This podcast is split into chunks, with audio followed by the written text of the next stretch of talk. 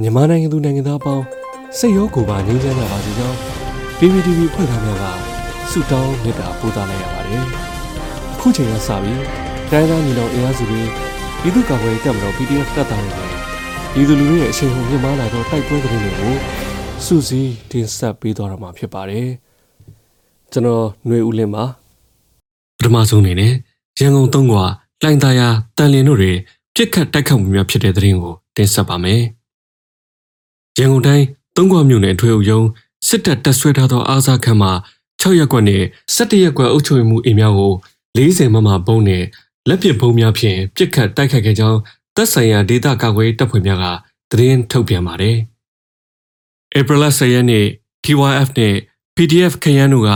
Fire Dragon စစ်စင်အစိပ်ပိုင်းဖြင့်သုံးခွမြို့နယ်ထွေအုပ်ရုံးနဲ့စကားစာများတပ်ဆွဲထားသောအားစားခန်းမတို့ကို40မမဖြင့်ပြစ်ခတ်ခဲ့ကြောင်း တပန်6ရက်ကွက်အုပ်ချုပ်မှုအိမ်နဲ့17ရက်ကွက်အုပ်ချုပ်မှုရုံးတို့ကိုလည်းလက်ပစ်ဘုံဖြင့်ပစ်ခတ်ခဲ့ကြောင်းသတင်းထုတ်ပြန်ထားပါတယ်။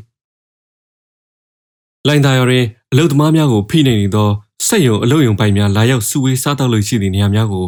ယနေ့ည9:40မိနစ်အချိန်တွင်အဝေးထိန်းငါးလုံးတွဲဖြင့်ဖောက်ခွဲခဲ့ကြောင်း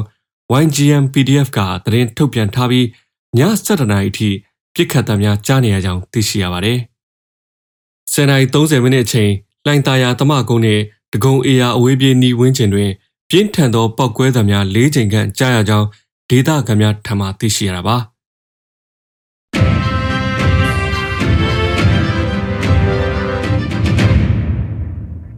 ဆက်လက်ပြီးတောင်သာတွင်ဗိုလ်မှူးတဦးလိုက်ပါလာသောကာရန်ပြစ်ခတ်တိုက်ခိုက်ခံရတဲ့တဲ့ရင်ကိုတင်ဆက်မှာပါ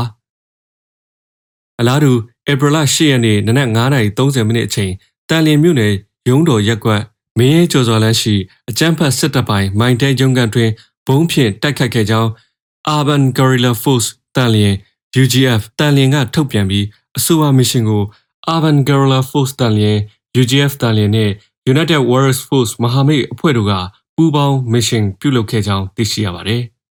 ။အလားတူမန္တလေးတိုင်းတောင်သာမြို့နယ်တွင်ဗိုလ်မှူးတဦးလိုက်ပါလာသည့်ရင်ထမ်းကိုအနီးကပ်တိုက်ခိုက်ခဲ့ရာတေဆုံးသူ2ဦးရှိကြောင်း PDF တောင်တာကသတင်းထုတ်ပြန်ပါတယ်။ဧပြီလ10ရက်နေ့နနက်3:48မိနစ်တွင်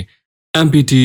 1L 3637 Dabagat ရင်ကိုတောင်တာမြို့နယ်၏ရုံစီတိုက်နယ်တန်ဖိုစရဲအနီးတွင် rifle စုံ3လက်ဖြင့်အချက်40ခန့်ပစ်ခတ်ခဲ့ကြောင်းထို့ပြင်တောင်တာမြို့နယ်စစ်ကောင်စီတောက်တိုင်ဖြစ်ရပ်တည်နေသောကဘာလုံးတောင်စီဆိုင်အားယနေ့နနက်ပိုင်းကတတိပေးဘုံတလုံးပစ်သွင်းခဲ့ပြီး တတိပေးခဲ့ကြောင်း PDF တောင်တာကထုတ်ပြန်ထားပါတယ်။